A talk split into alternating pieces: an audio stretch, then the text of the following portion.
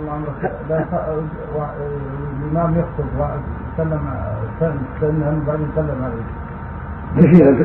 تشير لا ما في السلام وقت الخطبه ما في السلام. لو موجود يعني ولا يعني كلام أمر- إذا اخذت بيده ما يضر لكن لا تكلم لأن الرسول صلى الله عليه وسلم يعني أمر بالإنصات.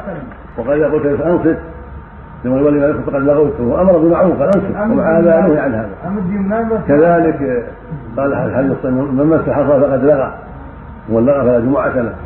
فينبغي في مثل هذا أن ينصت وإذا سلم عن أحد يشير له وإن وضع يده في يده لما مدها فلا بأس لكن من غير كلام وينبغي يعلمه بعد ذلك بعد انتهاء الخطبة يعلم أن هذا لا ينبغي. فإذا دخل والإمام يخطب لا يسلم ولا يسلم على صاحب اللي جنبه وإذا عطس لا يحمد الله في نفسه ولا يرفع صوته. نعم. يقول يقول الإمام ينبه للناس. يقول الإمام هذه عادة للناس ينبههم يسمى في أحد يعني. يعني ينبههم والرجل اللي سلم عليه صاحبه ينبهه.